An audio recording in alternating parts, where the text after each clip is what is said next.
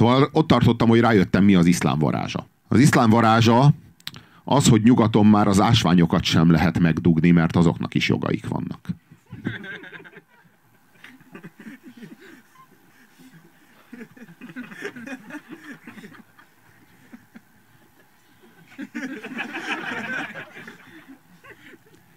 Ezt jól véssétek föl.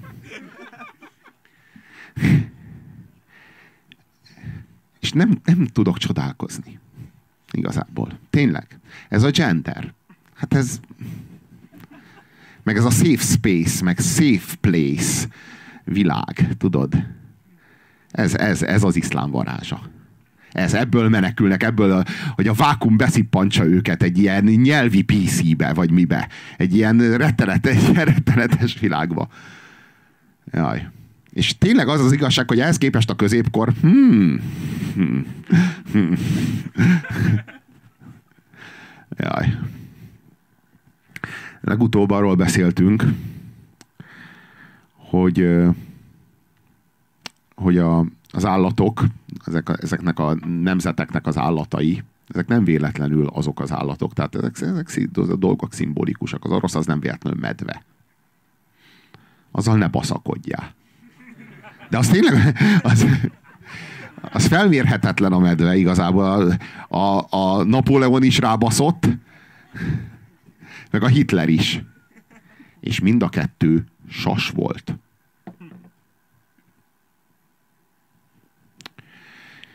É, aztán megpróbálkoztak az oroszlánnal is. A brit oroszlánnal. Az egyiknek se jött össze. É, mondjuk a medve szétmarcangolta őket, meg, meg megkergette nagyon csúnyán, az oroszlán meg azért megvédte a földjét legfeljebb. De azért az is. És ezek nem véletlenek ezek az állatok. Nem véletlen, hogy a franciák azok kakas. De, de nekik, de nekik ez, ez, de legalább van öniróniájuk, meg önismeretük főleg. Mm, mm a kakas az, akinek szemétdombja van. és arra fölmászik, és világá kiáltja, hogy ő a, ő a létezés leg, leg, legcsodásabb bajnoka. Úgyhogy így semmi teljesítmény nincs. Csak hát így mit ér, de a, és, a, és a tyúkoknak ez az ilyen imádata. Ennek az ilyen narcisztikus fasznak, aki öltözködni tud a világon kb. megfőzni. Tehát de, de hát ezek, ezekben jók a franciák igazából. És, és, és ő a kakas. A kakas, aki az, már az első világháborúban így azt kiabálta, hogy menjetek neki a sasnak! És ezt, ezt a másik a izé tengeren túli sasnak, meg az oroszlánnak. Fogja, rúgja, harapja! A második világháború az gyakorlatilag arról szólt, tehát az érdemleges része, így a kb. a lényege, lényegi része, mondjuk a, az indítéka, az így kimerült abban, hogy a sas az így azonnal oda kapott így a a kakasra, hogy így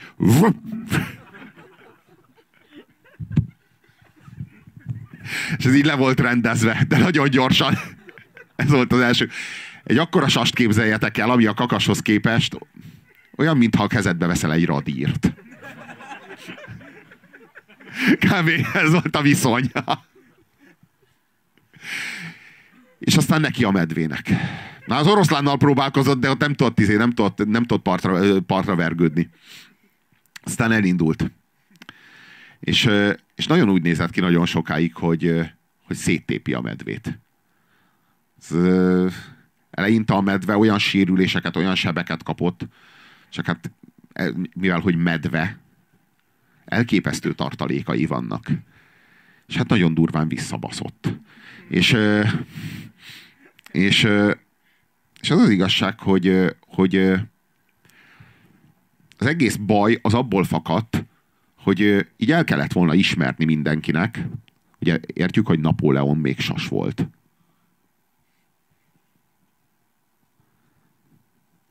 De a harmadik köztársaságtól már kakas. Értjük, ugye? Szóval fontos, hogy a sas az Rómából jön. Az a római, a római sas. Igazából a három császár csatája az mind a három Cézár volt. Tehát mind a három Cézártól eredezteti.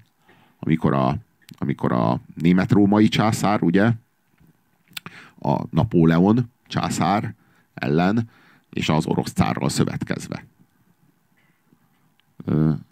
Mind a három, az egyik az Konstantinápolyon keresztül eredezteti a magáét, a, a másik az, az de, de, de egyébként állítom, hogy az amerikai sas is ugyaninnen jön, Rómából. Innen, innen, innen legitimálja magát, innen eredezteti az identitását. Hm. Szóval a baj abból lett, hogy ezek az állatok ezek nem voltak hajlandóak elfogadni, hogy a sas a legnagyobb és a legerősebb. Hogy a sas a legnagyobb és a legerősebb. Hogy Európában, itt ezen a szemétdombon a sas a legnagyobb és a legerősebb. És ez az igazság Európában. És most miért kell, tehát hogy még két világháborút és mennyi ember halált okozott az, hogy ezt így nem, ezt így csak nem, a kurva kakas, így csak nem, most már lett belőle egy ilyen Európai Unió nevű fasság, ami hogyha a lehetőség, akkor kurva jó, ha felelősség, akkor meg miről beszélünk? Nemzetállam vagyunk, kérem. Tehát az egész, az egész erről szólna. És hogy miért hoztam ezt, ezt újra szóba? Mert most van az a szituáció, tényleg az a szituáció van, amikor a sasnak ki kéne terjeszteni a szárnyait ki kéne terjeszteni újra a szárnyait. Csak hogy kétszer már megtette, és abból mind a kétszer baj lett. Szóval, hogy ez egy probléma. Ez egy dilemma. Szabad-e a sasnak újra kiterjeszteni a szárnyait? Kivédi meg Európát? Amerika? Vagy Európa meg tudja védeni magát? Az Európai Unió nem tudja megvédeni Európát.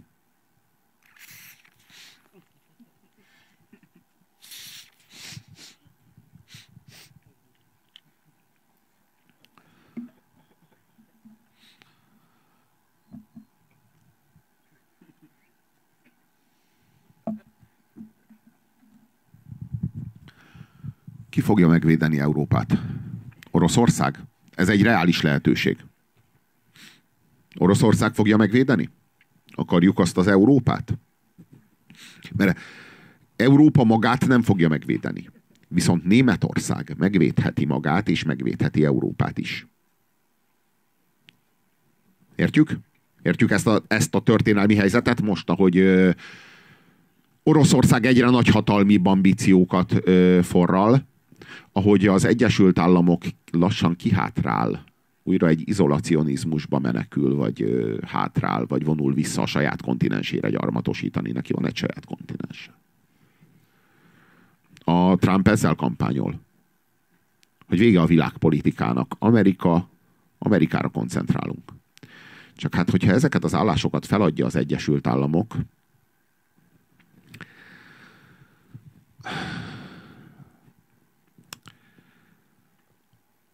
NATO továbbra is védi Európát. Amiben bízhatunk, azok az amerikai fegyvergyártóknak az érdekei. Komolyan. Ha az amerikai fegyvergyártók pénzügyi érdekeltségei nem állnának folyamatos lobbiban az amerikai kormányzatban, akkor akkor a NATO sem érne többé semmit. Csak a NATO fenntartása ezeknek az amerikai fegyvergyártó cégeknek létfontosságú. És úgy gondolom, hogy még egy Trump sem teheti meg, hogy ezzel szembe menjen.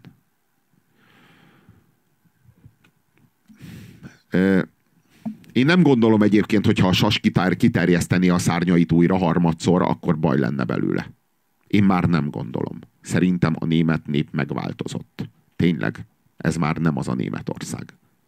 Nem az első és nem a második világháborús világ. Egyik se. Nem az. Tényleg nem az. Sőt, nagyon az ellenkezője. Mert ők ebben is a legjobbak.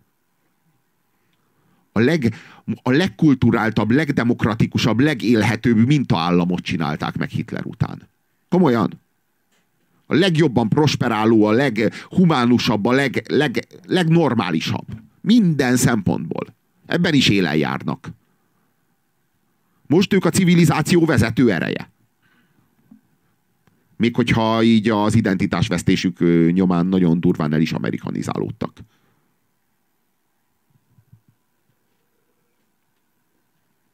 Most mondanám, hogy a dánok, de azok most mennyi? 15 ezer ember? 15 millió, bocs.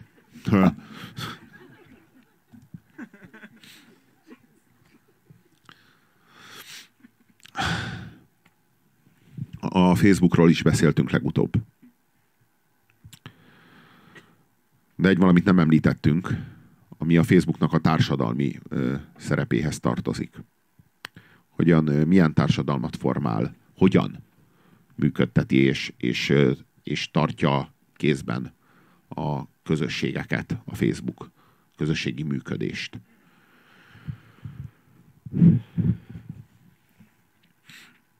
Eleinte volt a bulvár, és én nem értettem, hogy ez most hogy került ide. Hogy került ez ide? Hogy lett érdekes az érdektelen? Nem értettem. Nem értettem ezt az egész plegykát. Meg nem értettem ezt az egész egész érvénytelen beszédet, meg semmit mondást.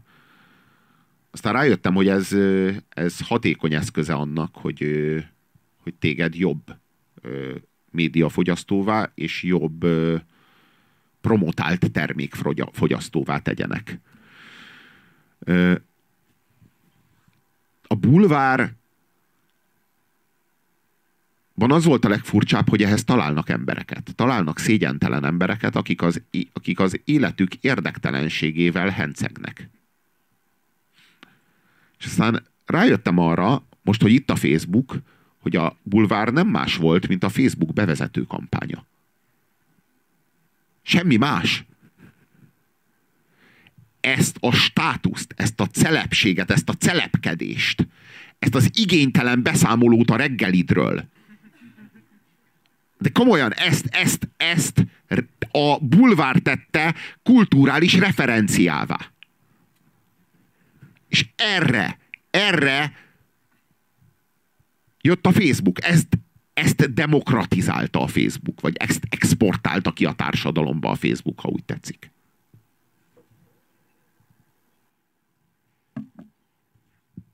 Most már te is celebgeci lehetsz a saját kis szaros 300 fős vagy 400 fős kis közösségedben te lehetsz egy ilyen, egy ilyen sztár, aki reggelizett, és, és élete van, és elmegy, sportol is. Vagy, vagy, vagy sárkány repülőzik, mert mekkora élete van.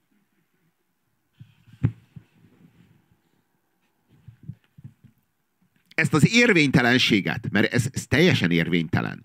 Mit jelent az, hogy érvénytelen? Érvénytelen az, amiből nem következik semmi. A, a, a bulvár az az érvénytelen közlés.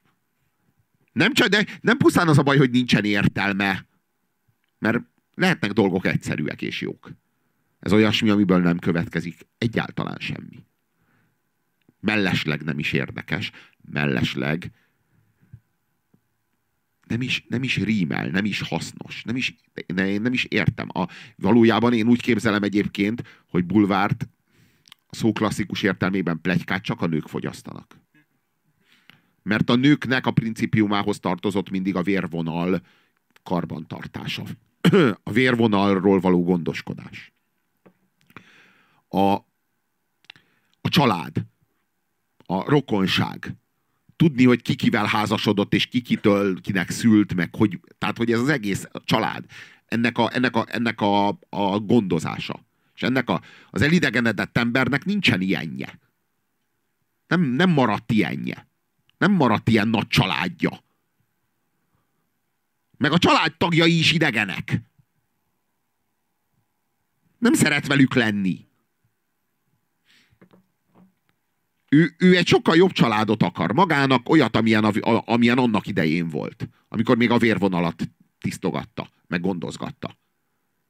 És ezt megkapja. Ezt megkapja a bulvártól, és most már megkapja a Facebookon.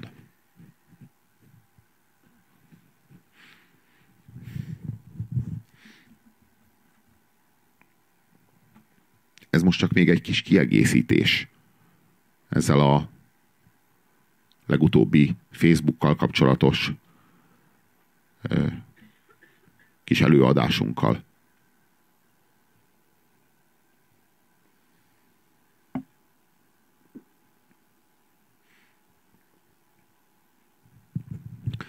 Spanyolországban állítólag nincs kormányzás háromnegyed éve.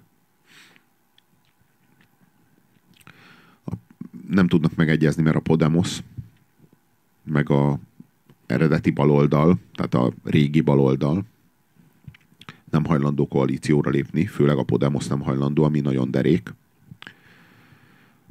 A konzervatívok meg nem tudnak kormányt alakítani. Tehát, hogy így egy padhelyzet van háromnegyed éve, senki nem hajlandó megegyezni, és gyakorlatilag nincs kormányzás, ilyen ügyvitel van. Tehát, hogy ilyen egy csőrepedés, akkor megcsinálják. Tehát ilyen ügyintézés szinten zajlik a, a, a, a működés most Spanyolországban. És tudjátok, hogy mi lett ennek a következménye? Spanyolország, a spanyol gazdaság elkezdett működni. Egyre jobban. Egyre jobban. Komolyan, háromnegyed éve nagyon jók a számok.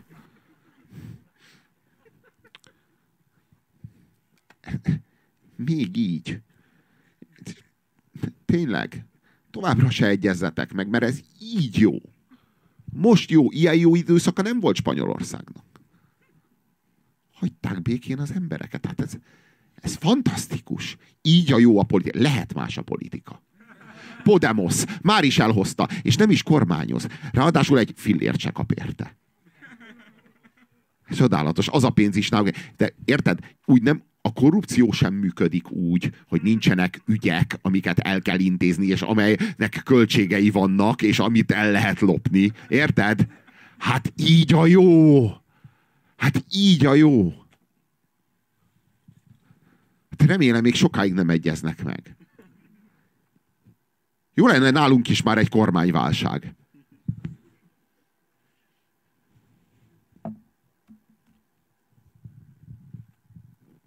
És mi van Kínával? Ugye ők most nagyon szárnyalnak. Siker. Siker sztori.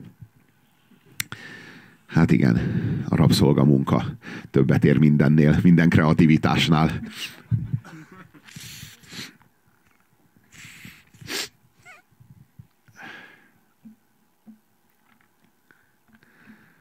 Azt tudjátok, hogy Hongkongot hogy vették fel Kínába? Azzal a feltétellel, hogy ö, ö,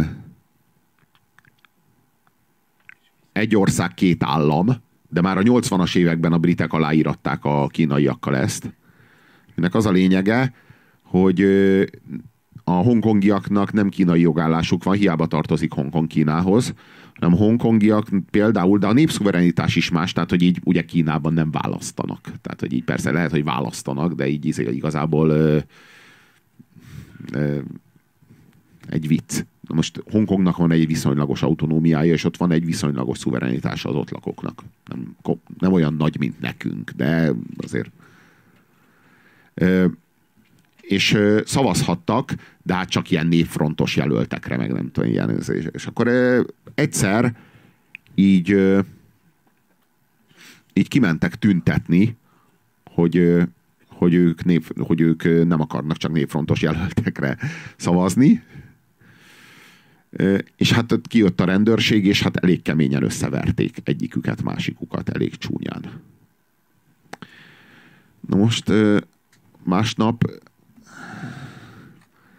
az történt, hogy kiment valami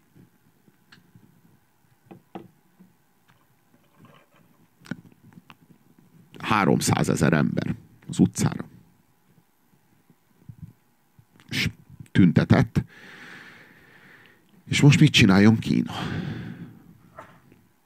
Kínában 300 ezer ember kint van az utcán, és tüntetés van. Mit lép most Kína?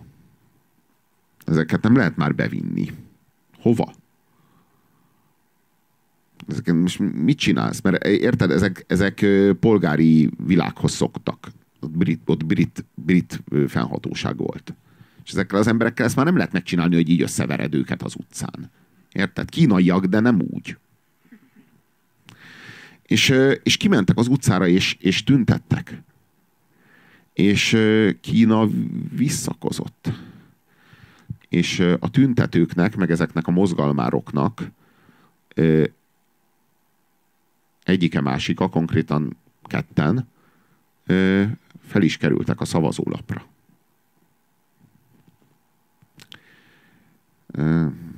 Ez, ez érdekes minden esetre, hogy a kommunista párt ezt a helyzetet most kezelte, minden esetre hazamentek, és, és nem, nem tüntettek tovább. Hm. De hogy fogja kezelni ezt a jövőben Kína? Ugye Kína valami nem tudom én, pár évtizeddel ezelőtt elkezdte ezt az egykézést. Ugye? Volt egy olyan törvény, hogy, hogy nem lehet két gyereked. Csak nulla, vagy egy.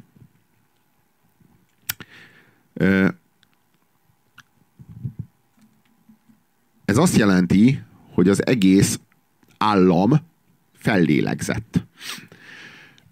Mert ugye eddig 500 ezer óvodára, óvodára volt szükség, mostantól meg elég lesz hát 100 ezer, vagy mondjuk 150 ezer óvoda. Ugye? Meg hány, hány szülőszobára volt szükség, meg hány iskolára volt szükség. Hát az iskoláknak a többségét az be lehetett zárni. Meg föl lehetett számolni. A helyén ilyen, ilyen felhőkarcolókat lehetett építeni. De hát ez most, ez a, ez a nem, nemzedék úgy néz ki, hogy felnőtt lassan, akik már csak egyedül voltak, gyerekek. És hát Kína nagy kihívásokkal néz szembe most. Egyrészt ez az egykézés, ez elképesztő nagy prosperitást adott Kínának. Tehát az, hogy így társadalommérnökileg így belenyúlni ebbe, ez elké, elképesztő lehetőségeket adott. Azt a sokkal kevesebb embert annyival magasabb színvonalon lehetett képezni.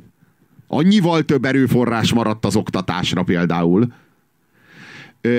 Az egész Kína mintha fölrobbant volna, amikor lekerült róla ez a teher. Ez a rengeteg születés. És, és ezt a, ennek a hatalmas prosperitásnak az árát most úgy néz ki, hogy Kína megfizeti.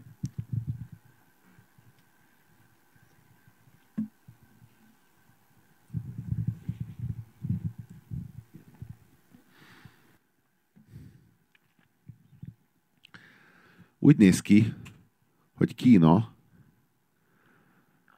ezzel a családmodellel, mert ez egy családmodell. Érted? Érted? Átvette az európai családmodellt Kína. Nem tudta, hogy mit tesz. Ő csak a demográfiai mutatóit akarta rendbe rakni. De lassan a középosztály életszínvonala elérte a miénket, és ugyanúgy egy gyerekük volt, vagy egy se, leginkább egy, mint az európai embernek. lett egy 300 milliós középosztály, amelyik már úgy él, mint mi. Abban a családban úgy, ahogy mi. Már nem, már nem arról szól az élet, hogy minél több gyerekem legyen, mert minél több gyerekem van, annál több munkát tud a műhelyben elvégezni. Hanem már az volt a szempont, hogy azt az egyetlen gyerekemet, azt képezzem minél jobban, jusson minél többre, lehetőleg sokkal többre, mint én. Ez már egy teljesen új gondolkodás, egy teljesen új polgárosodás. Nem csak elkezdődött, lezajlott egy 300 milliós polgárosodás. Na most a Oroszországot nem nézve, Európa lakossága az mennyi?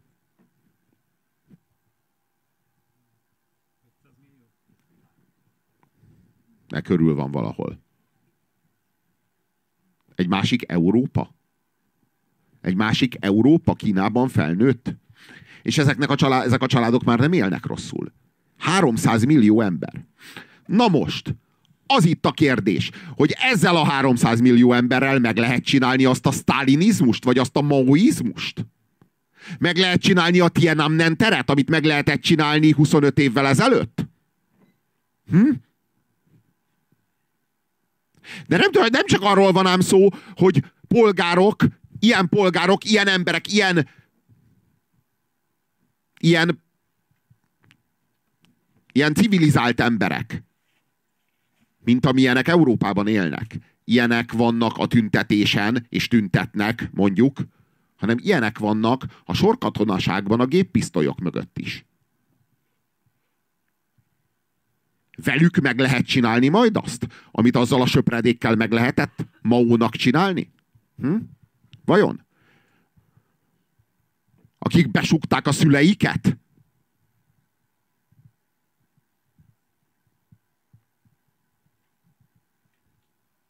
Vagy meg lehet csinálni ezt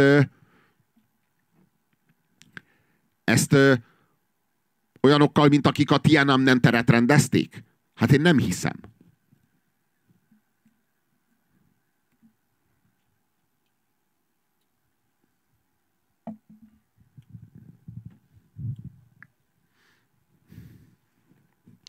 Szóval nem olyan, nem olyan egyszerű ám mérnökösködni. Így belenyúlunk így a társadalomba, és így, így kívülről így szerkezgetjük. Szóval arról van szó, hogy, hogy ezek az emberek, ezek már egy más, és tök, tök hasonló életet élnek, mint mi.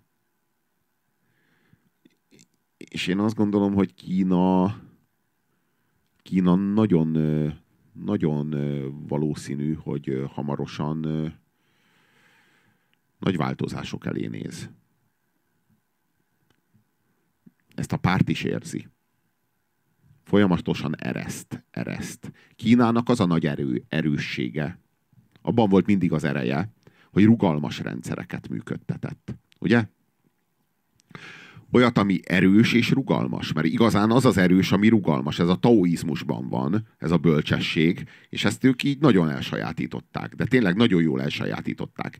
Mindig az az erős, ami rugalmas. Láttátok a tigris és sárkányt? Abban a kard annyira rugalmas, hogy így lobog. Amikor nagyon-nagyon nagyon forgatják, akkor így látod, hogy így a vége az így hajlik, szinte, szinte hajlik. Na, az, a, a kínai modell az mindig ez. Eresztékeket a rendszerbe. Eresztékeket. És attól rugalmas lesz a rendszer. A, kína, a, a kínai kommunista párt is ezt csinálja. Csak hát mi van akkor, hogyha már annyi lyuk van a sajtban, hogy már több a lyuk, mint a sajt? Akkor tudod, mi történik? Azt úgy hívják, hogy reszelt sajt. Ilyenkor van az, hogy Kína szétszakad hét királyságra, akik egymással háborúznak 600 évig. Ez egyáltalán nincs kizárva. Ez egyáltalán nincsen kizárva. Jó, hagyjuk, hogy reszelt sajt, ez túlzás. Egyébként meg gyakorlatilag reszelt sajt, mert ahol kínai a lábát megveti, ott Kína van. Tehát a Chinatown az Kína, az a lényege. Ők így gyarmatosítanak. Azt tudod, hogy ők neki nincsen ilyen kínai izé, önkormányzati izé, képviselőjük. nem szarnak rá. Éde, édes, savanyú csirkét izé, tolnak, gyártanak. Izé, az, nincs idejük ilyen fasságokra. De nem milyen, milyen izé, országos kínai önkormányzat, hagyjad már a faszom. De tényleg, ezzel a bohóckodásba bele se szállnak. De nem? Pedig ez egy csomó ilyen előnnyel járna, így a romák azért így ezt kétszer meggondolják, de nem, hát a kínai, ez, faszom. E, e, ez van az ilyen másik civilizáció, érted? Tehát ez, itt már nem, ez már, ő már nem így gondolkodik, ahogy te. Szóval. Ö, ugye ott betiltották az ultrahangot az egykézés érdekében. Ugye arról van szó, hogy az nem kevés előnnyel jár, jó nagy örökléssel jár, hogyha fiat születik. Hát mindenki fiút akar Kínában. Érted? E, e, ezért Kínában az egykézéssel egy időben betiltották az ultrahangot. Ez azt jelenti, hogy ha ultrahangot találnak nálad, akkor hát jó eséllyel agyonlőnek. Hát igen. Igen, a legnagyobb valószínűsége annak van, hogy agyonlőnek. Ha mondjuk ilyesmit találnak nálad Kínában. Az milyen, hogy Kínában olyan az ultrahang, amilyen Magyarországon semmi. Semmi. Heroin. Hagyjad már! Szóval ö, szóval nagyon tilos. Nagyon tilos az ultrahang az egész országban.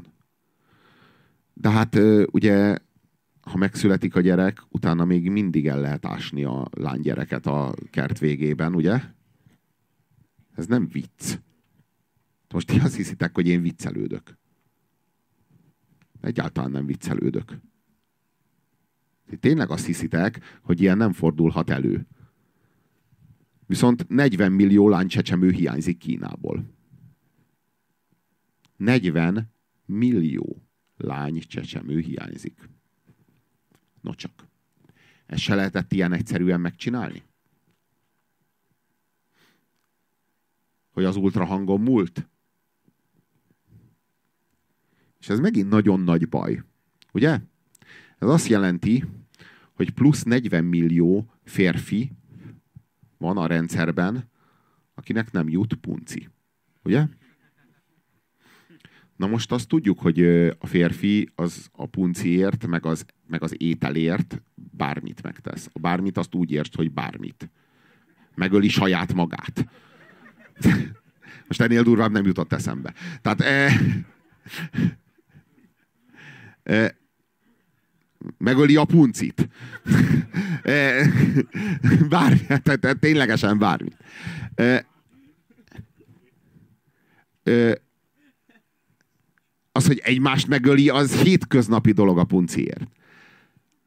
Most, ez, ez, egy, ez egy igen nagy probléma, és az a kérdés, hogy ezt hogy lehet központi bizottsági határozatokkal kezelni. De tényleg, mert ebből most mi, mi, mi származhat? Tehát mi származhat egy ilyen szituációból? Hát két dolog lehet. A párt vagy tétlenül várja, hogy megtörténjen a borzalom a telje, teljes káosz és, a, és, a, és a, az összeomlás, vagy pedig ennek, ennek a, ezt, a, ezt a 40 millió férfit, ez besorozza egy hadseregbe, és megtámad vele egy másik országot. Mert hát ott van pina. Érted? Itt már nem elég engedélyezni az ultrahangot. Sőt, még nagyobb baj. Itt most mit csinálsz? Fölásod a kertet, hogy hova, hova ásták el a... Ezt már nem lehet meg ilyen, ilyen, ilyen módon kezelni. És hát ugye benne van a pakliban a tömeges homoszexualitás lehetősége is. De most komolyan nézd a börtönöket. Most úgy lesz homoszexualitás, hogy valakit majd alávetnek, és az lesz a csaj. Tehát egy börtön lesz Kína. Érted? Nem lesz benne pina 40 millió embernek. Ezek erőszakolni fognak. Érted? Aztán majd be kell őket zárni, de 40 millió. Jó, most bazd meg. Csak erő, erőszakolni fog, csak mondjuk minden harmadik. Na, de hát akkor is valami 13, vagy 12, vagy 13 millió embert be kell zárni. Hova? Ez másfél Magyarország majdnem. Hogy? Na most mi lesz? Ezt a helyzetet hogy kell megoldani? Hát még ami lehetőség van, az a matriarchális poligámia. Vagyis egy nő több férfit elégít ki. Tehát, hogy mondjuk egy női háremek vannak. Ez, a, ez az egyetlen lehetősége ennek. Ami egy szerintem a legkulturáltabb lehetőség mint közül. Én ezt javasolnám Kínának, már ha kikérnék a véleményemet egyébként. Jól tudják ők, hogy mit kell csinálni. Betiltani az ultrahangot. Az a jó megoldás. Az majd meggyógyítja Kínát. Szóval ez a kérdés, hogy egy kékkel hogy terrorizálsz? Hm? Ez Kína nagy dilemmája. Tehát a hadseregben is, mit tudom én, minden negyedik, vagy minden ötödik ilyen ö, katona az egyke. Érted? Egyke. Ilyen nem volt a modernitás előtt. Ilyen modell.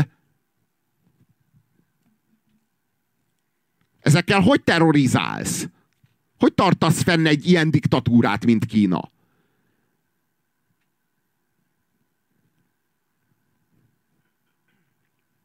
Ezek nem a futószalagról jöttek le. Épp ellenkezőleg.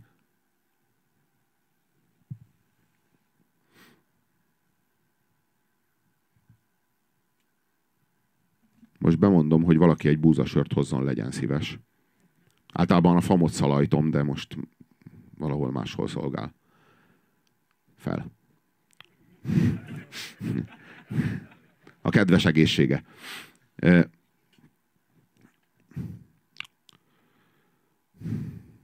Arról már beszéltem, hogy a posztmodern és a bulvár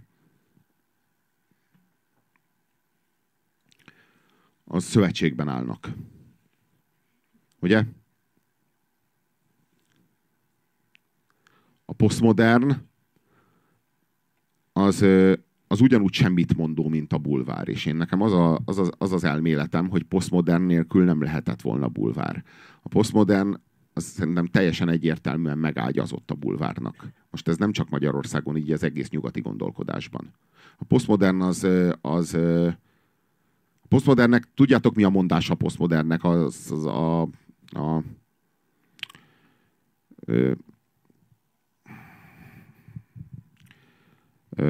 az a mondás, hogy Auschwitz után nem lehet verset írni. Most nem jut eszembe a, a, a szerző. Van itt valaki, aki esetleg tudja? Ő egy posztmodern teoretikus, de most nem jut eszembe a neve.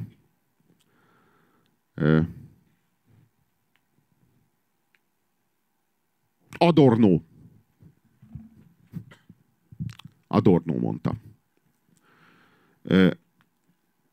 ez, a, ez, hogy, ez, hogy Auschwitz után nem, nem lehet verset írni, ez fel is ment minden alól, ami tartalmi, ami tartalmi felelősség. Minden alól, ami így innentől már semminek semmi értelme nincsen, és a világnak nincsen középpontja, minden. Tehát, hogy így a, az, hogy a felvilágosodás beletorkollott ebbe az Auschwitzba, ezután már így nincsen semminek semmi értelme, nincsen semmit sehova. És ez az egész egy ilyen nagy nihilizmus volt egyébként szerintem, meg nagyon dekadens.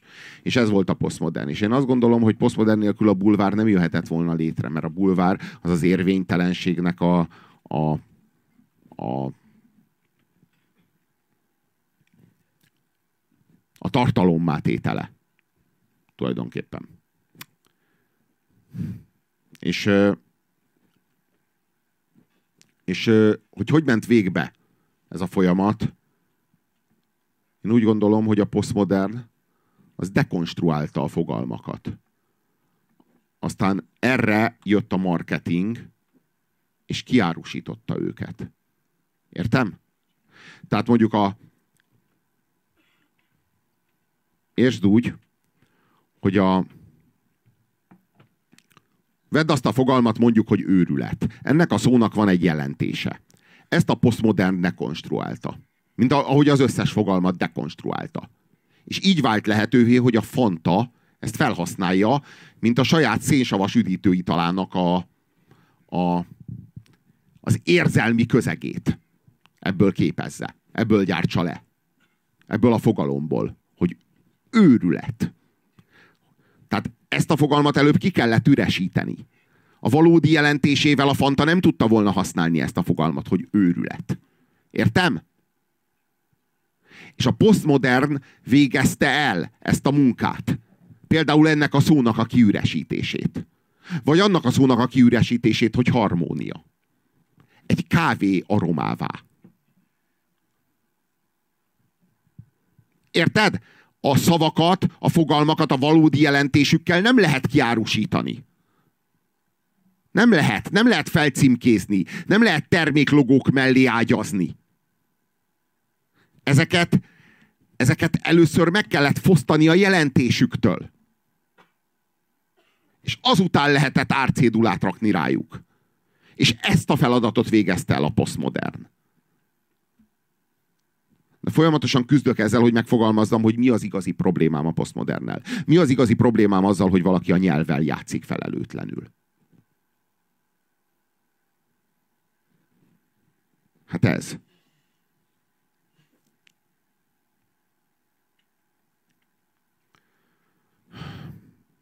Erőműveket kötöttek az emberi butaságra.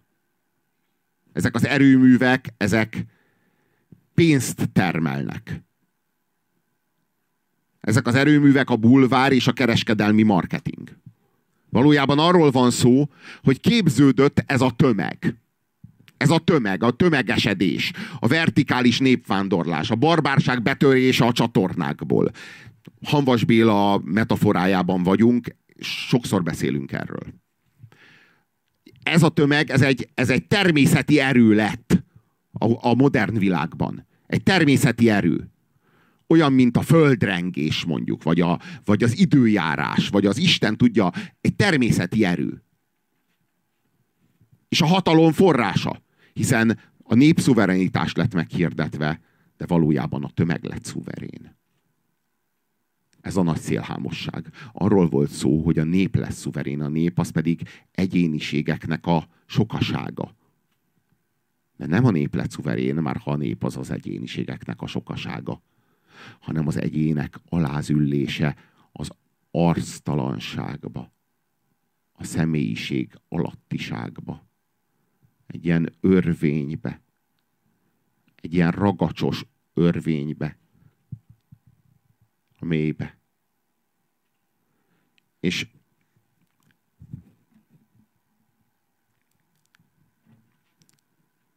és hát az az igazság, hogy ez egy, ez, ez egy természeti erő, aminek, aminek a for, aminek a köszönöm,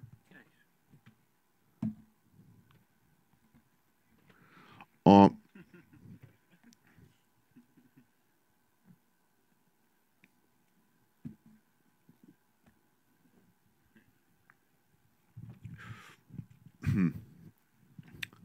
a hatalom forrása, a hatalom forrása a nép a modern világban. Ugye a modern világ előtt Isten volt a hatalom forrása. Istentől származott a hatalom. És arról kapta mondjuk a király vagy a dinasztia. A modern világban népszuverenitás van. Meg lett hirdetve, hogy a nép a szuverén, de nem a nép lett a szuverén valójában, hanem a tömeg. A tömeg szuverenitása jött el. A szalacsi szuverenitás jött el. Ez a világ jött el. És ez egy természeti erő, és azé a hatalom, aki erre a természeti erőre, erre a tömegre erőművet épít, és azzal meghajtja az erőművet azzal a tömeggel, és abból az az erőmű az pénzt termel neki. Ez jelenleg Magyarországon Habony Árpád. A legnagyobb erőművet ő működteti, de a bulvár mindegyik platformja egy-egy ilyen erőmű. Értjük? A marketing valamennyi platformja egy-egy ilyen erőmű. Az összes reklám egy ilyen erőmű. Értjük? Ami a tömeget amit a tömeg hajt meg. És ami energiát termel, és az energia, mint tudjuk, pénz. Egy erőmű. Hm. Így gondolja a tömegre, ami áramlik, örvénylik. Van egy tehetetlensége. És ez a tehetetlensége az, ami az energiát termeli a habonyárpádnak. Amire erőművet épít. És a modern hatalom az erről szól. A hatalmi technikák, azok az ezzel a természeti erővel való bánásmódot írják le ma már. Ma már nem a, a legitimitás nem Istentől vagy a néptől ered, a legitimitás az a hatalom önmagában áll, mint Rómában. Mint az antik Rómában. Legitim vagyok, mert én vagyok Róma.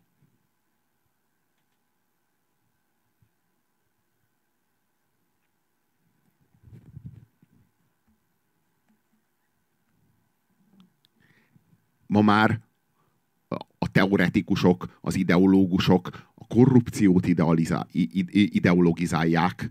Már korrupció etikát, meg korrupció ideológiákat gyártanak ezek a Lánci Andrások, meg G. Fodor Gáborok.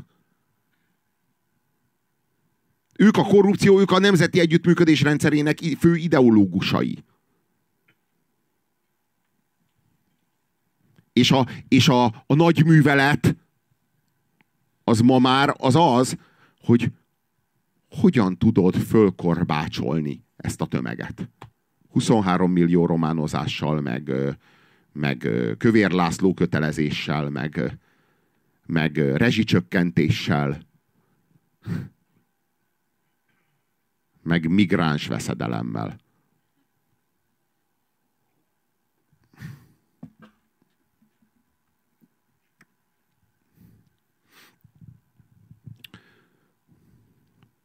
Ott egy fiatal ember jelentkezett.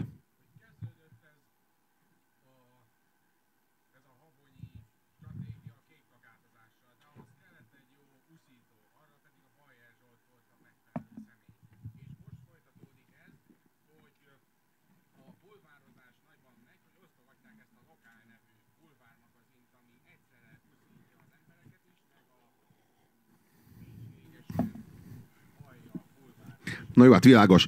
Ezek a pszichopaták, akik építik ezeket az erőműveket, ezek mindig, mindig a legjobb kapcsolatot ápolják a bulvárral. Már emlékszünk, hogy már, már Gyurcsánynak különleges kapcsolata volt a bulvárral. Ugye? Emlékszünk, hogy a szóvívőjének a Batiz András tette meg, aki a Fókusznak a műsorvezetője volt. Tehát aki a kétfejű borjúról számol be az embereknek, az mondja el a kormány propagandát is, legyen szíves, megértsék. Ez volt a koncepció, Gyurcsány. Ez volt Gyurcsány. Na, a Habony Árpádnak ennél lényegesen szorosabb a viszony a, a bulvárral, de hát Rogán Antalnak, hát nézzük meg, hát egy ő szobrot állított a Bliknek. Azért e, itt nem, nem kis dolgokról van szó, egy szobrot, amit senki nem baszott szét még mindig csákányjal. Érdekes. Ez a tünemény, ez a, ez a, ez a, ez a birka ember. Blik szobor. Csuda egy hely. Szóval ö, ö, a, a, ez, a, ez, ez, a, ez a szoros kapcsolat a bulvárral nem véletlen. A bulvár az fogyasztót gyárt. Tömeget gyárt. Tömeget gyárt. Tehát az a lényeg, hogy az erőmű az nem csak, amit a tömeg meghajt, az nem csak pénzt, energiát és pénzt termel, hanem az erőműből mindig egy kicsit több tömeg jön ki, mint amennyi bement. Értjük? Mert bedarál egy csomó polgárt, és kiköp egy csomó tömeget. Nem mondom, hogy olyan sokat, de minden nap mérhető számot. Érted? Tehát nehogy azt hitt, hogy, hogy ez nem termeli is a tömeget. Ez termeli is a tömeget. És egyébként meg nincsen elvágólag ez a dolog, hogy tömeg, itt végződik a személyiség, és ott végződik a tömeg. Minden minden emberben ben, ben belül megvan ez a határ. Te is emlékezhetsz arra, hogy mikor viselkedtél úgy, mint a tömeg. Akkor tömeg voltál. Akkor nem voltál. Mindenkinek vannak ilyen emlékei, hogy mikor volt ő tömeg. Ha elég őszinte magához az illető. Mindenki volt tömeg. Tudjuk, mi a tömeg. Minden, ami nem a személyiség. Az tömeg.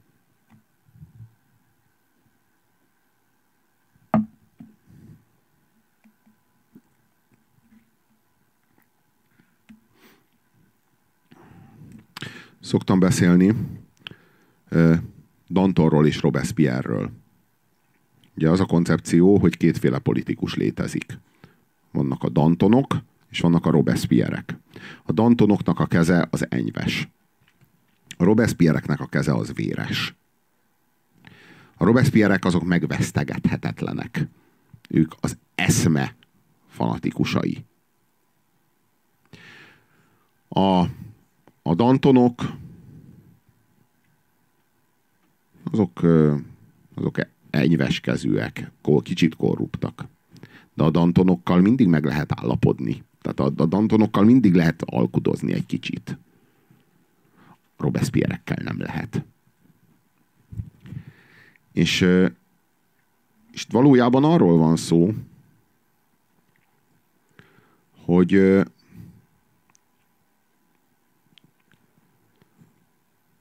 hogy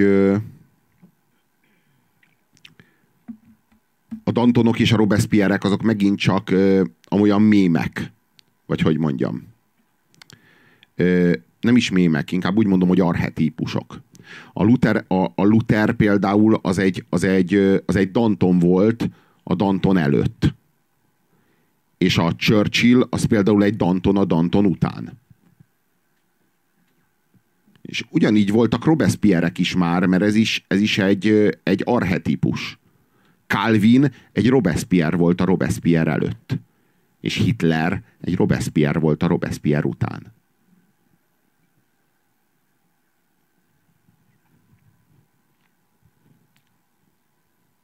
Calvinból lett a Wall Street. Hitlerből lett Auschwitz.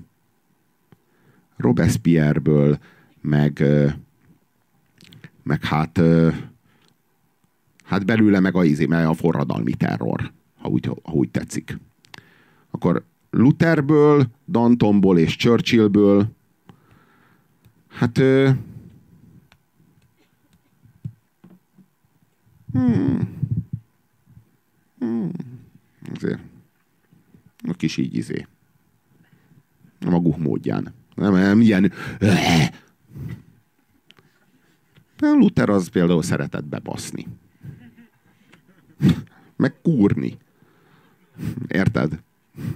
Lett egy va valak gyereke. Ha már, ha már úgyis izé kilépett a szerzetes rendből, érted?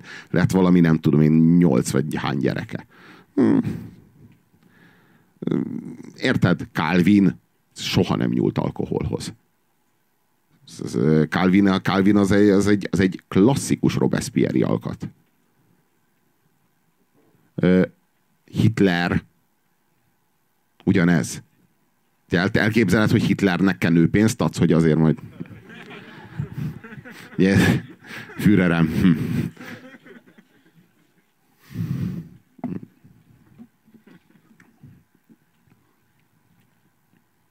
Na most ehhez képest Luther, meg Churchill,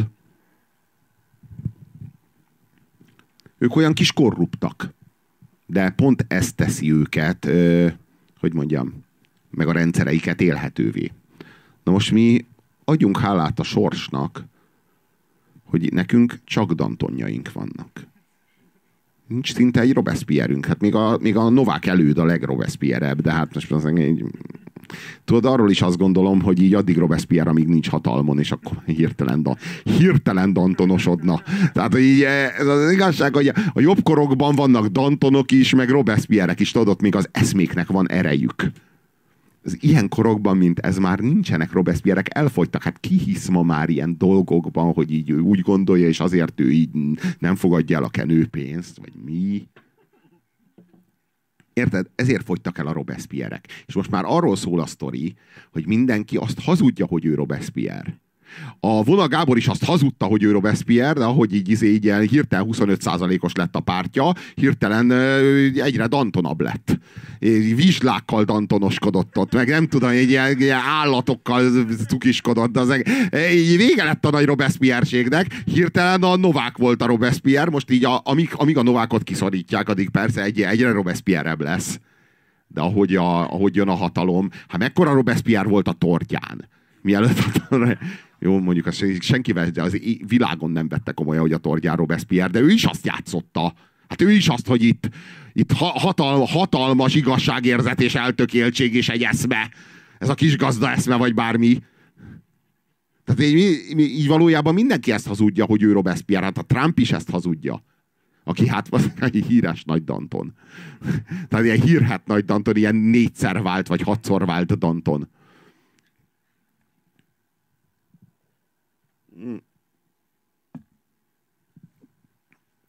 Szerintem az, a, az az ember, akivel nem lehet bebaszni mondjuk, vagy bármi, vagy ilyen nem tudom én elmenni kurvázni, most így nem muszáj az alkohol, érted?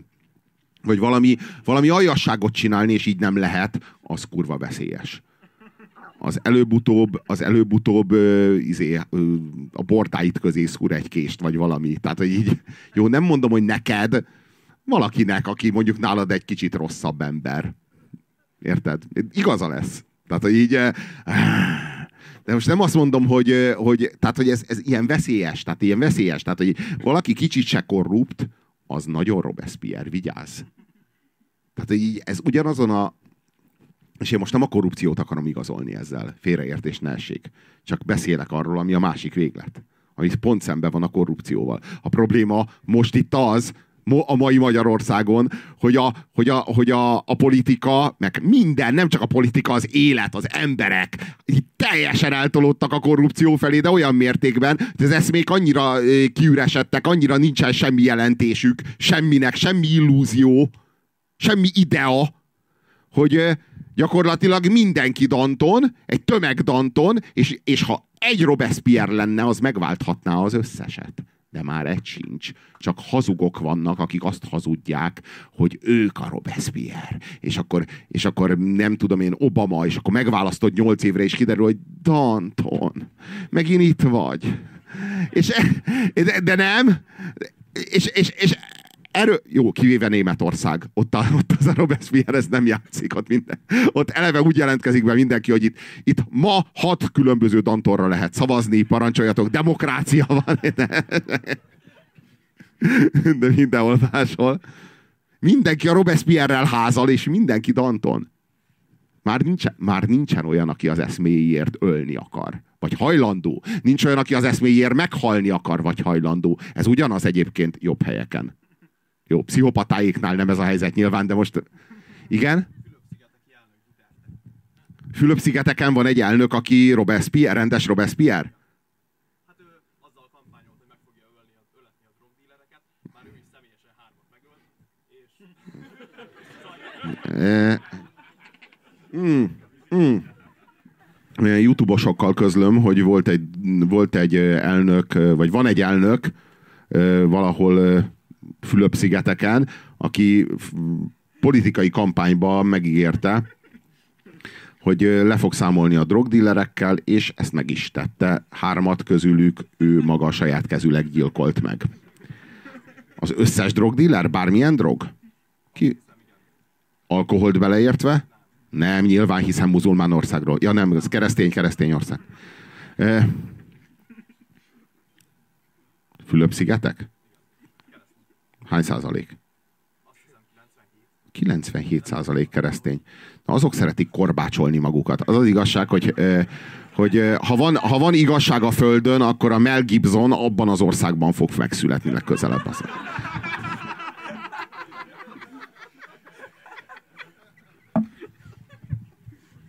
Hmm. Szóval 97 százalék keresztény. 90 az biztos.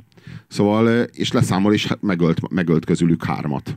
Egy, ilyen egy rendes keresztény miniszterelnök. Egy Robespierre. Egy Robespierre. Szóval...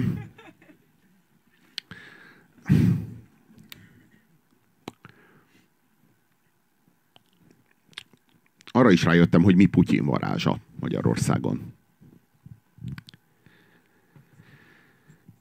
Tudjátok, mi Putyin varázsa? Az, hogy a magyar ember a harmadik szabadságharcát már nem akarja elveszíteni.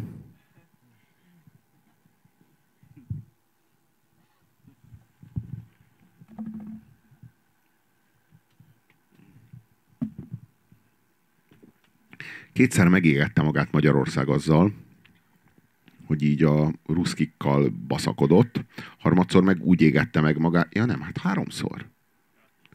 Hát igen, a donkanyart, azt ne felejtsük. Háromszor. Az az igazság, hogy, hogy így a magyar ember fél a medvétől. A magyar puli.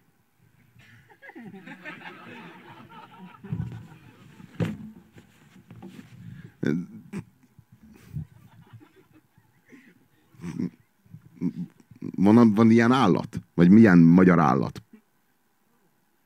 Turul, ja, turul. Az nagyon jó, mintha lenne olyan. Jó, hát az vagyunk mi, világos. De itt se vagyunk, hello.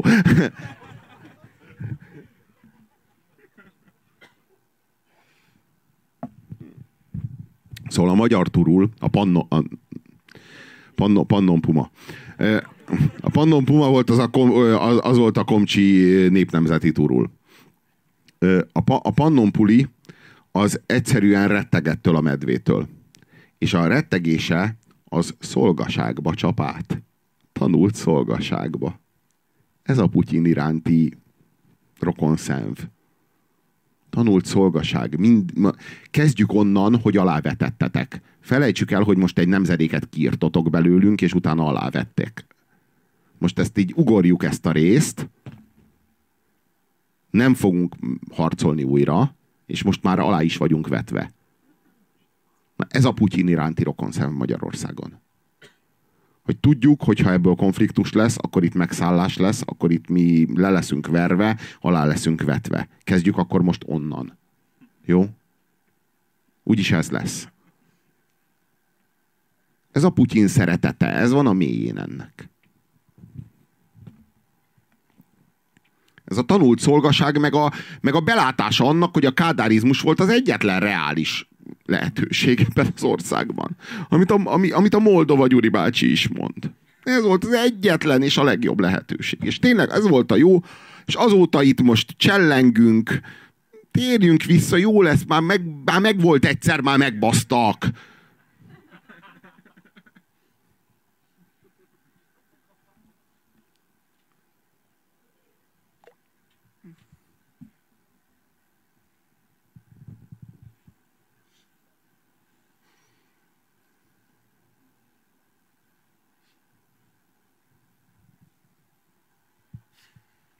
Tudjátok, hogy mi vezeti az App Store sikerlistáját?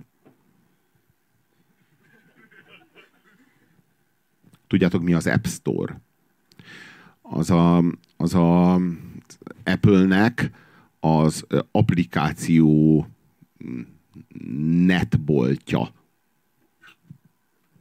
Valami ilyesmi. És, és ott van, van egy sikerlista, és a sikerlista első helyezettje az egy retusprogram, amivel eltüntetheted a kis testi hibáidat, és még jobbat, szebbet demózhatsz magadból a Facebookon, mint amilyen vagy te nyomorult. A bibircsókodat leszedheted, és az emberek imádják ezt a programot. Mert most már nem rusnyák többé. Kiradírozták a tükörképüket. A bibircsókot a tükörképükről Hát ezt megadta nekik. Steve Jobs, meg ez az egész technológia megváltotta őket a bibircsókuktól. Hát ez csodálatos, nem? Hát ez, ha valami elmond mindent a mai emberről, hogy nem egy kibaszott játék, vagy valami mm, pornó, vagy hanem a, a képmutatásnak, meg a, meg, az, a, meg, a, meg a szemfényvesztésnek, a hazugságnak egy ilyen nagyon hatékony eszköze mindenki élet. Ez most már demokratikus. Az, amit Stalin elvtárs még nagyon komoly mm, erőforrások a, a Szovjetunió komoly erőforrásait felhasználva végezhetett csak el, azt most már te egyszerűen, csak úgy meghamisíthatod a valóságot. Hazudhatsz.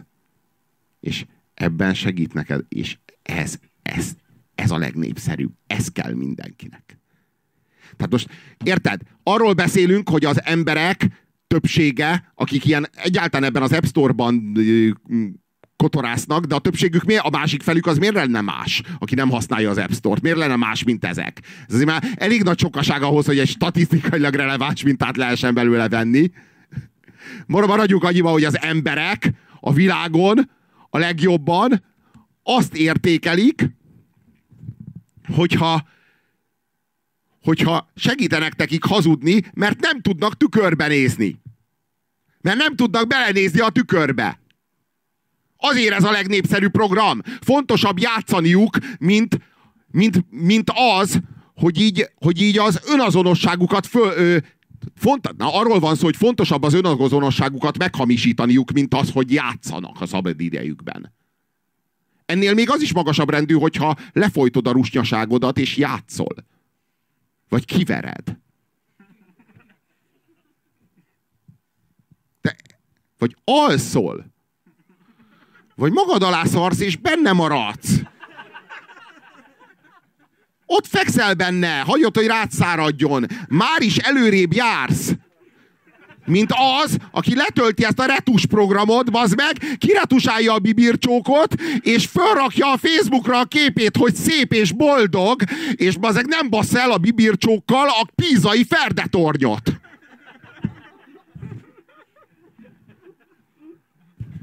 De most komolyan, szarban feküdni ehhez képest, az az meg egy teljesítmény. Ma is csináltál valamit, apám.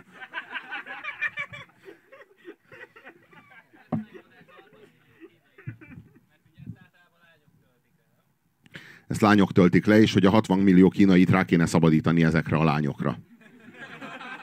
Ezt javasolja a kollega úr.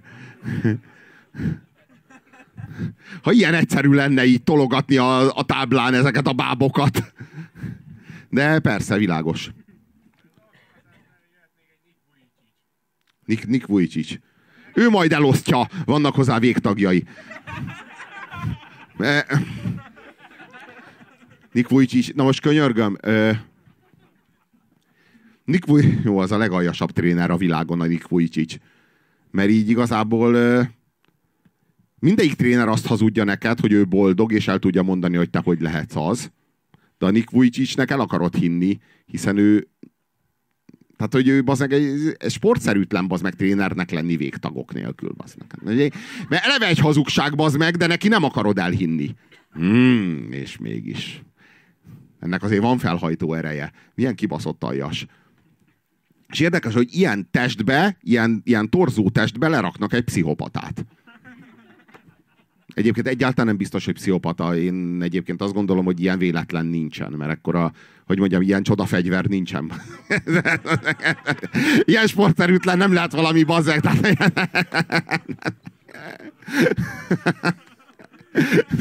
Egyszerűen nem akarom azt hinni, bazzeg, hogy ez egy ilyen együttállás. nem ennyi volt az esély. Jaj. Ja, ja, ja, mosolyka még az, akivel szemben senki nem vállal egy karaktergyilkosságot, mert most mosolyka, érted? Mosolykának neki menni, az, az egy azonnal vesztettél. Mielőtt még elindultál volna. Mielőtt még elindultak volna a hadosztályok. Ugye? Ez, ez, ez, itt a, ez itt a sportszerűtlenség része a dolognak.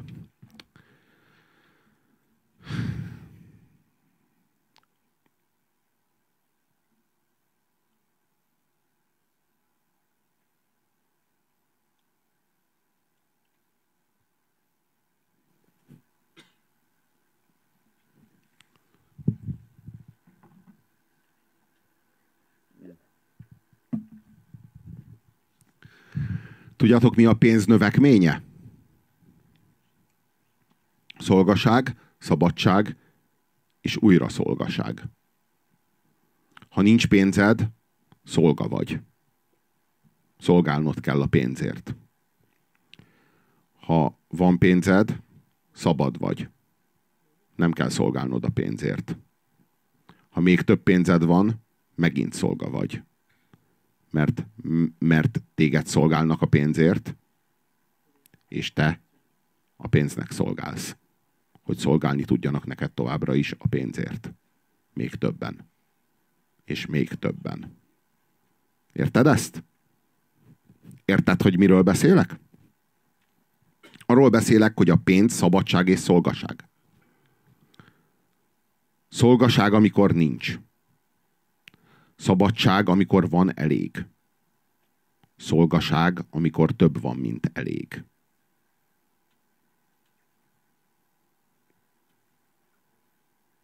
Ez a pénz növekménye. És mindig is ez volt. A több, mint elég szolgaság. A kevesebb, mint elég szolgaság. Az elég szabadság.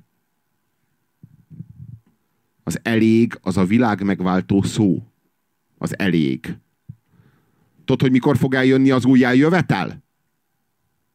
Akkor, amikor egy állásinterjún az emberek nem azt az összeget mondják, amennyit minimum keresni akarnak, hanem azt az összeget, amennyit maximum hajlandóak elfogadni. Ha ez meg fog történni, ez a szemléletváltás meg fog történni, akkor elkezdődik majd egy új világhónap. Akkor vége lesz a végnapoknak. Akkor vége lesz a hanyatlásnak. Akkor vége lesz a nyugat alkonyának. Ahogy, ahogy Spengler fogalmazott.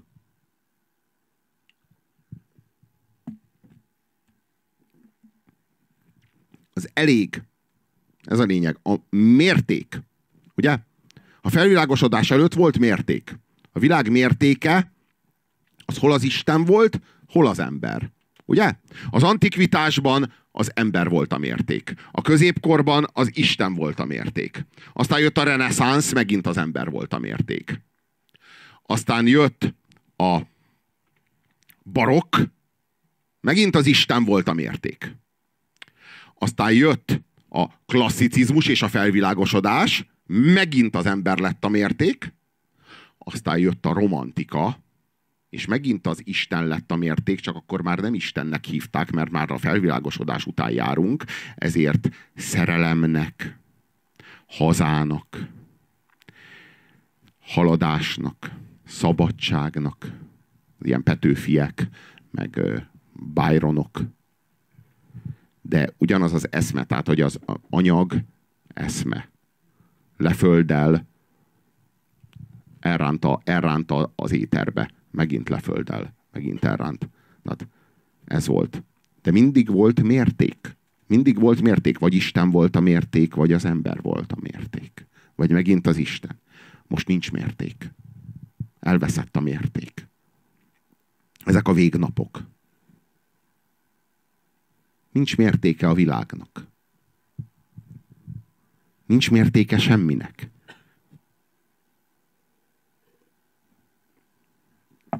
Ezért a korszak hívószava a még.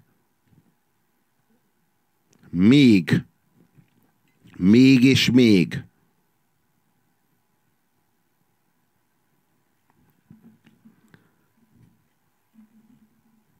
És az elég pillanata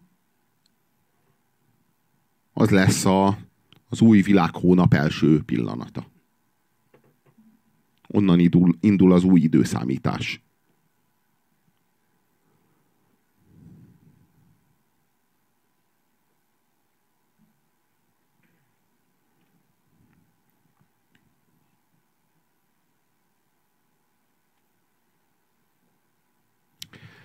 Minden esetre az egy nagy dolog, hogy az ma már bizonyított tény, amiről beszéltem, hogy Párizsban megpölc, megpöckölik a kis kvarkot, és, és megmozdul akár New Yorkban, hogy bizonyítást nyert, hogy vannak más dimenziók. Ez most már nem csak egy elmélet. Ez most már egy tény. Mert más magyarázat erre nincs.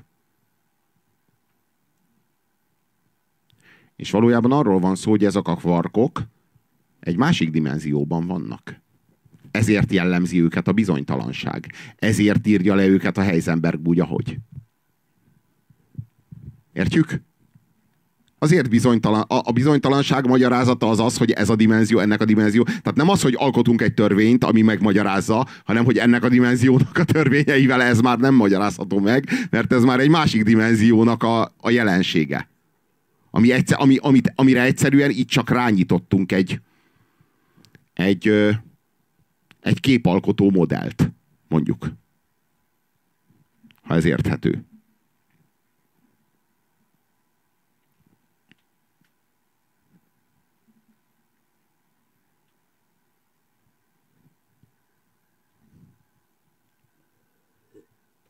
Mm.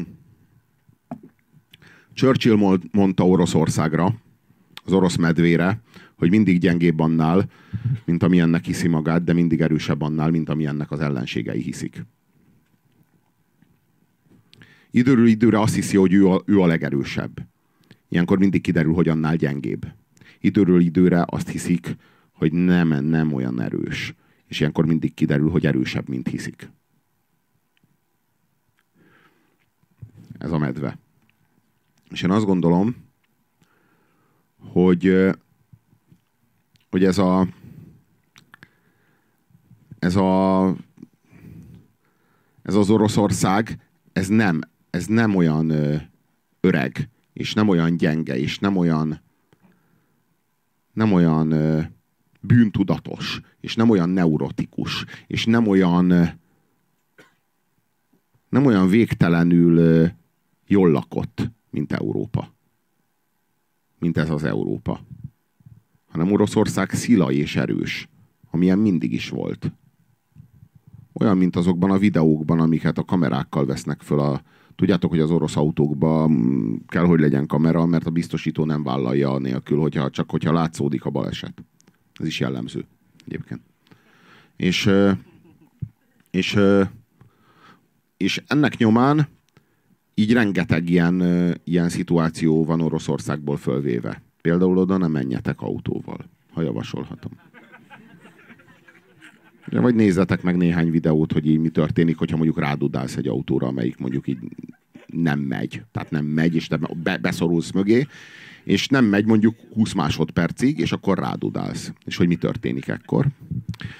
Ennyi, ennyi, ennyi, ennyit követtél el, tehát kimentél Oroszországba, és rádudáltál egy másik autóra. Ennyi, ennyit követtél el addig. És ki, kiszáll az autóból a csávó, oda jön az autóthoz, kinyitja az ajtót, és oda úgy képzelt, hogy áll a nyitott ajtó előtt, és így rugdalja bent az embert az ülésen. És így rugdalja, de valami 16 ilyen kurva keményen így talpal belerúg. Egy ilyen kibaszott, kigyúrt orosz. Egy ilyen így rúgdalja. És addig tart, addig tart ez a, én, ez, nem hiszed el, amit látsz. Nem érted, tehát nem érted a, nem érted a, a durvaságát ennek. Ez e, európai ember számára ez, ez fölfoghatatlan. És ez nem egy kirívó eset, 50 ezresével vannak fönt az ilyen videók. Ö, és addig rugdalja, amíg egy civil oda megy, és elkezdi ütni-vágni ezt, aki rugdalja. Tehát addig, ameddig nem lesz valaki a, ott valahol, aki megvédi ezt, aki az autóban van. Mert dudált. Mi a faszra való a duda? Arra, hogy megölest magad? De komolyan. Én kiszereltetném az autómból azonnal Oroszországban a dudát, bazen, hogy látok egy ilyen videót. De tényleg kiszereltetném. Hát az, így már, az ember nem tudja, hogy ennyire van az öngyilkosságtól, bazen, hogy ezt megnyomja. De komolyan, hát hol basztad el? Így kérdezik az ilyen izét, nyomoréktól, aki az meg így fekszik a vízágyban 40 éven át, és azt mondja, hogy hát dudáltam. Bazd meg, hát mi van? Ennyit hibáztál?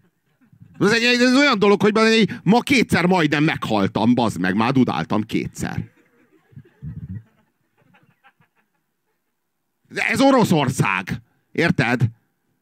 Tehát azt hiszem, hogy Hitler meg Napolon ezzel nem számolt ezzel az elemi, tehát hogy ezekkel, ezekkel az emberekkel ö, olyan dolgok például mutatják, hogy az orosz, orosz hadsereg az így hogy néz ki. Az így úgy néz ki, hogy a, fe, a felettesek azok folyamatosan verik a, az, a nekik alárendelteket. Tehát a nem tudom én, a tizedes veri a honvédot, a százados veri a tizedest. A nem tudom én, őrnagy veri a századost. De mindenki. Tehát mindenkit ütnek. Van olyan, hogy így felsorakoztatják őket, így végigmegy a, végigmegy a ilyen sorakozóval, és az egyiket így egyszerűen szétveri. De úgy szétveri, hogy, hogy nem úgy, hogy megüti, hanem addig üti-veri, amíg az már a földön fekszik magzatpózba, és ott rugdalja. És így semmi értelme, meg semmi oka nincsen, egyszer, és a, a, a lényege ennek mindig az, hogy nem üthetsz vissza, mert ha visszaütsz, akkor hát fú, érted, hát ő a felettesed Ő a százados úr. Vagy ki. És, és, mit, és, és ilyenkor nézem ezeket a videókat, és én nem értem, hogy mit, mit vernek bele itt az orosz emberbe. Mit, mit tanul meg itt a világról, vagy az életről? Ebben a durva, ebben a nagyon-nagyon-nagyon durva világban. Ebben a, na, tehát mi, ne, mi nem tudjuk elképzelni, hogy milyen lehet orosznak lenni, vagy milyen lehet ebben a világban felnőni. Már az iskolában nagyba főbevernek gyakorlatilag mindenkit. A felső 20% szarrá veri az alsó 80-at. Mindenhol. És, mi, és folyamatosan ez megy, és ez az élet.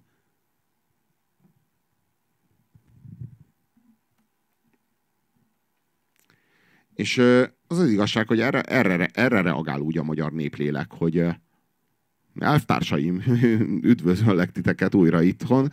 Itt van a tokai bor, itt van a paprikás krumpli, mi ezt tudjuk, és Zdravstvujtje. Tehát ez, ez, ez, ez, a, ez a reakciója erre, és hozom a konzomkurvát már is. Tehát ez a nagyon, nagyon jó ungari sepálinka. Vagy hogy hívják? Ö, ö, Vengerski. De jellemző, hogy, hogy eltéveszti. Aztán van az a, van az a vállalkozás, hogy Super Brands. Ugye? Arra hallottatok, hogy Super Brands? Mm. Super Brands. A Super Brands az, az a mai kiváló áruk fóruma. Emlékeztek? Kiváló áruk fóruma a bizalom háromszöge. Nincs ez meg? A bizalom háromszöge a, a, az a lényeg, hogy mi azt hazudjuk, hogy a teljes termékkínálatból ezek a jó termékek. Ez a szocializmusban ez pikáns volt, mert mindegyiket az állam kínálta, és ezek közül az állam ezt nagyon kiválónak tartja. Ez azt jelenti, hogy ebből nagyon sok van a raktáron, mert Szófiából megjött a szállítmány. Ez most a kiváló áru. Tehát, hogy e, erre rákerül a bizalom háromszöge. Na, ma ez a dolog másképp néz ki. A Super Brand a szintén egy kiváló áruk fóruma, amelyik ö, lehetővé teszi a termékednek, hogy feltüntesd a Superbrands logót. A saját kurva termékeden. Hát ez nagyon jó. Te WC papírt akartál venni, de WC papírt is kapsz, és egy Superbrand logót is. Hmm. Ez egy jó ajánlat, nem?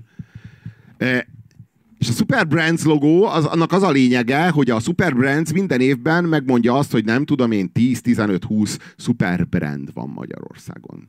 Ezek a brandek brandjei. Ezek a brandek az igazán jó brandek, ezek, ezek megbízható brandek, ezek, ezek nem véletlen a Super Brand. Az valójában tudod, mi a superbrand? Az azt jelenti, hogy egy cég az fizet a superbrandnek azért, mert superbrand akar lenni, érted? Ez a vállalkozás, bazd meg. Hogy a superbrand, az kiárusítja ezt a logót, hogy superbrands, mert ő a superbrand, és ezért, ezért ha te fizetsz, akkor te is lehet superbrand. Sőt, te lehetsz superbrand. Érted? Ez ezt jelenti, bazd meg. Ezt jelenti, hogy egy cég fizet azért a semmiért, hogy ez a geci azt hazudja róla, hogy ő superbrand. Érted ezt? És emberek, az meg, ez, ebből megélnek, hogy ezt hazudják magukra.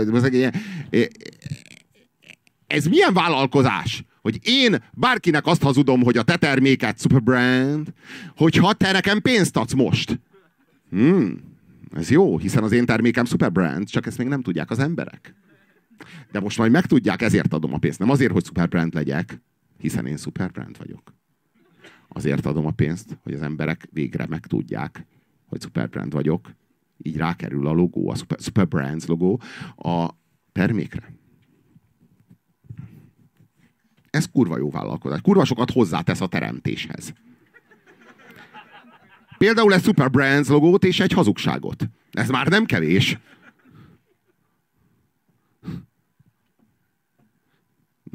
Láttam egy kommentet, és úgy érzem, hogy a, hogy a kommentelés egy hitvány műfaj, de az a lényeg, hogy minden műfajból, ami a legjobb, az már jó.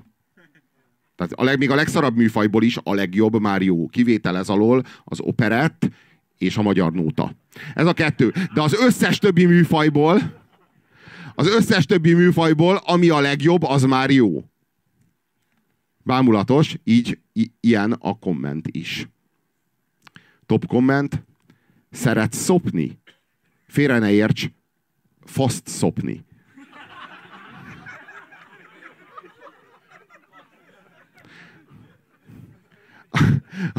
Annyira jó, mert a... nem szeretné, hogy rosszul értsd. De annyira jó, hogy megvan benne ez a Versailles udvariasság, ez a risporos, nem? Ez a udvariasság, hogy...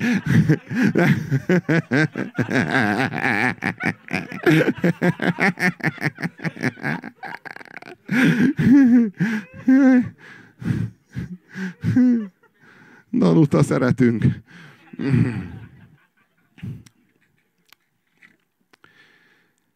Hát...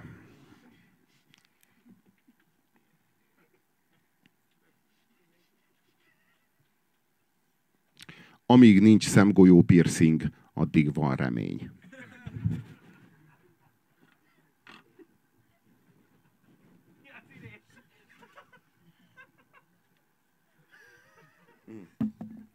Komolyan mondom, addig érdemes küzdeni az emberiségért. És ha eljön a szemgolyó piercing, leteheted a fegyvert. Hagyjad őket, most már el lesznek nélküled is. Nem kell. Ez már Innentől már. Igen?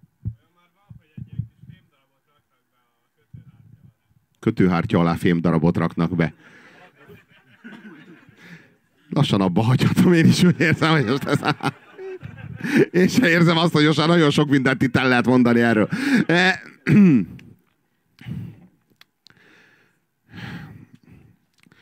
Én egyébként tényleg azt gondolom, hogy a, hogy a lázadásnak vagy alárendelődésnek genetikája van. Tényleg azt gondolom, hogy genetikája van. Én nem szívesen fogok ö, szociális dolgok a, a genetikára, de azt gondolom, hogy van, aminek mondjuk ezt ezzel majd legközelebb szembesítsük a famot. Ö, a, a, a lázadásnak vagy alárendelődésnek tényleg van genetikája. Én tényleg hiszek ebbe. Tehát van egy entitás, mondjuk egy organizmus. Hívjuk ezt úgy, hogy ember. Egy olyan ember, amelyik alkalmazkodik. Ez az ember gyerek. Elkezd alkalmazkodni a világhoz. Na most. Kétféle van. Szerintem ez két genetikai típus. Én így gondolom. Az egyik az az, amelyikbe, hogyha benyom, benyomsz valamit, belenyomsz, akkor ő, ahol belenyomsz, ott benyomódik, és körülötte az a dolog, az így szétterjed. Nem tudom, hogy érthető-e. Tehát belenyomsz, benyomódik és szétterjed, kihúzod az ujjadat és vissza. Tehát bármennyire bele tudsz nyomni. Olyan, mint a gyurma. Értem? Ez az egyik fajta ember. A másik fajta ember az az, aki, akibe így belenyomsz, és egy ponton azt érzed, hogy ellenfeszül. Valami nem engedi, hogy tovább nyomd. És egy ponton azt érzed, hogy már nem tudod tovább nyomni. És aztán egy ponton azt érzed, hogy tol vissza téged, és kitol a régi keresztmetszetére, a régi, a régi pontjáig. Majd azon kapod magad, hogy nem hagyja abba, hanem tovább tol. Tovább. Kifelé. Még. Már ő, már ő, már ő akar be, be, benyomulni, már ő, tol, már ő tol téged. Értem ezt? Ez kétféle ember. Ez kétféle gén. Az egyik az ellentétes irányú azonos erejű nyomással válaszol, a másik az meg azonos erővel benyomódik. És ezek lázadó gének, és ezek alárendelődő gének. És én azt gondolom, hogy ez szintiszta genetika. Mert nincsen értelme máshogy, ott van két testvér, és egy kurva erőszakos szülő. És az egyik lázadó lesz, a másik alárendelődő lesz. Az egyik az alkalmazkodik, a másik az meg alkalmaz. Vagy egy pontig alkalmazkodik, tanul, és utána alkalmaz. Érthető ez? És én azt látom, hogy általában a, az esetek egy részében kifejezetten ez történik, és ez a reakció, és az esetek más részében a másik. És hogy ez nagyon hamar kialakul. Ezt egy 6 éves, 8 éves gyereknél már pontosan lehet tudni, hogy ő milyen. Ő lázadó vagy alárendelődő. És én tényleg azt gondolom, hogy ennek genetikája van, mert különben kifürkészhetetlen. Hogy egy ilyen helyzetre ki hogy reagál. De én például tudom magamról, hogy én lázadó vagyok. Tehát, hogy én, a, én, én, én ellen tartok minden körülmények között. Mindig. Én mindenre így reagálok. És látom azokat, akik meg, meg alkalmazkodóak. És nem tudom azt gondolni, hogy én ezt tanultam. Hogy ez egy tanult dolog lenne, hogy én így reagálok egy bejövő hatásra. Mert rajtuk azt látom, hogy ők meg, én, én nem ezt tanultam, ők se azt tanulták. Hanem egyszerűen én egyszerűen csak így reagálok erre, más meg mondjuk máshogy. De hogy legalábbis ez egy megfigyelés.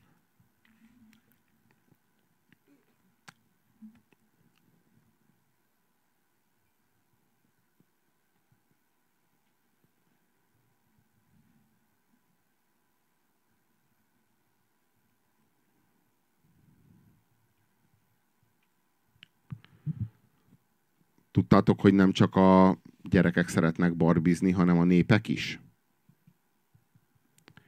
Különben a Sziszinek, meg az Evitának semmi értelme nincs. Mi értelme van Sziszinek? Mi az a Sziszi? Komolyan. Nincs meg az az Erzsébet királyné? Semmi? Senkinek nem mond semmit, hogy kiről ne van elnevezve az Erzsébet híd, az Erzsébet körút? Pesterzsébet? Senkinek semmi? Na ez a sziszi. Miért imádjuk mi ezt a nőt ennyire? Hogy híd, meg út, meg körút, meg Erzsébet város, meg, meg mi egyéb.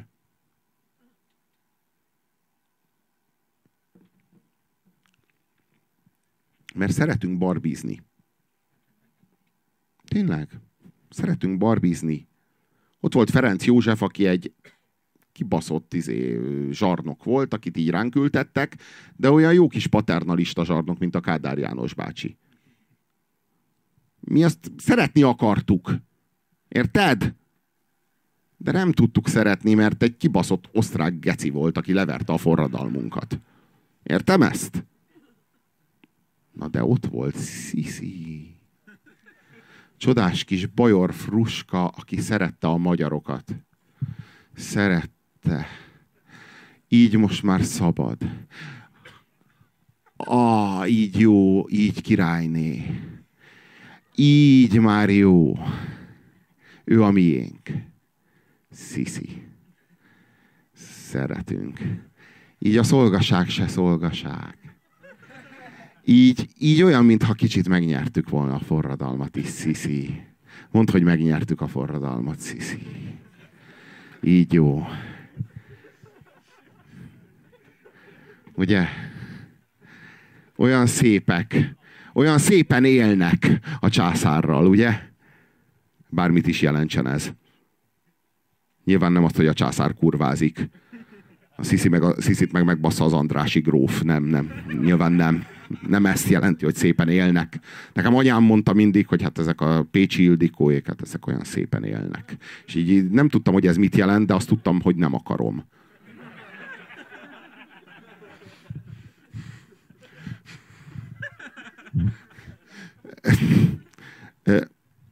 Ugye ők olyan szépen élnek a császárral, és ez, hogy ők olyan szépen élnek, az most a, kicsit a 48 is így el van most már így rendezve, nem? Hogy a Sisi szépen élne a császárral, nem? Hát igen. De Evita nem ilyen? Hát Evita. Hát olyan, mint mi voltunk. Na, Habony is ilyen valahol. Hát örülhetnénk, hogy valamelyikünk, vala... vannak köztünk pszichopaták, akiknek sikerült társadalmi osztályt lépni. Na.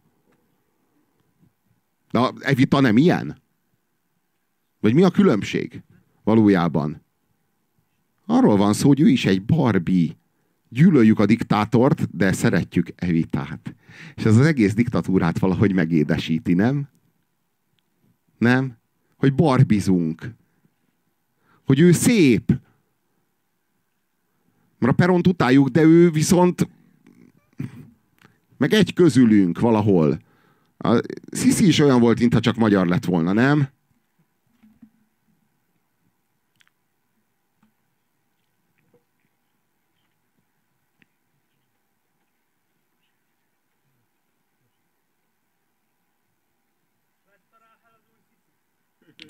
Ráhel az új Sisi.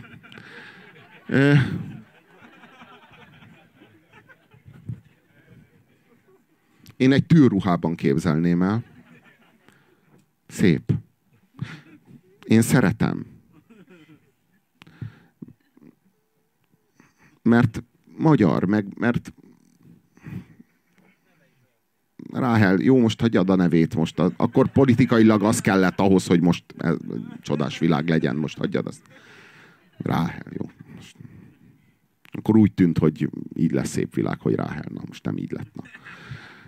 Most egy, ez egy kis stílű dolog felhozni a nevét. Most a, a lénye az, ami így ránk árad, az a jó. Ez most az igazság, hogy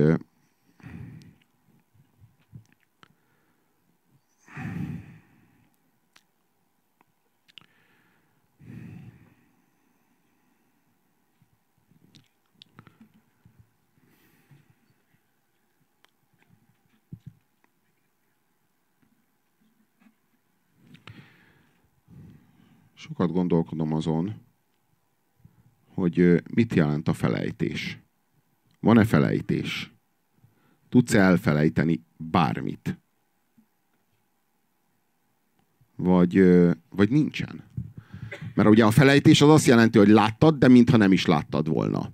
De a tudattalan, amit Sigmund Freud felfedezett, és most arra meg már egy felparcellázott zóna, amit logókkal láttak el, ez ma már közhely, tehát hogy nincs, nincs így, értjük. Tehát nincs felejtés.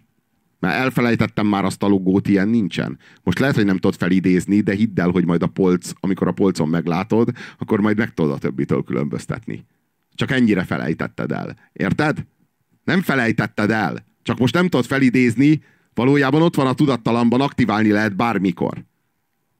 Tehát létezik a tudattalan. Ez pedig azt jelenti, hogy igazából nincsen felejtés, csak lefolytás. Csak lefolytás. Tehát nincs, nincs olyan, hogy hát azt lefolytottam, de egy csomó mindent el is felejtettem. Tehát ilyen nincs. Az ugyanaz. Ez ugyanaz. Ez mind ugyanaz. Na most, ha pedig így van, akkor kétféle lefolytás van. Lefolythatsz a szellemmel átvilágítottan, és lefolythatsz úgy, hogy nem érted azt, amit lefolytasz. Ha lefolytod ö, úgy, hogy nem érted, akkor száműzöd a tudattalamba. Az a száműzetés, vagy száműzés.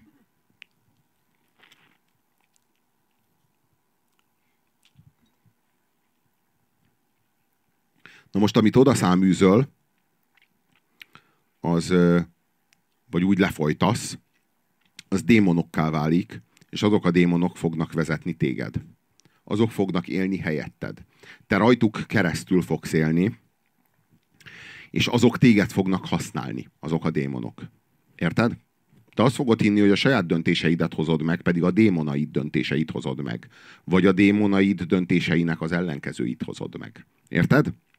De valójában mégis a démonok határozzák meg, hogy mit döntesz, mert úgy folytottad le, kvázi úgy felejtetted el, hogy nem értetted.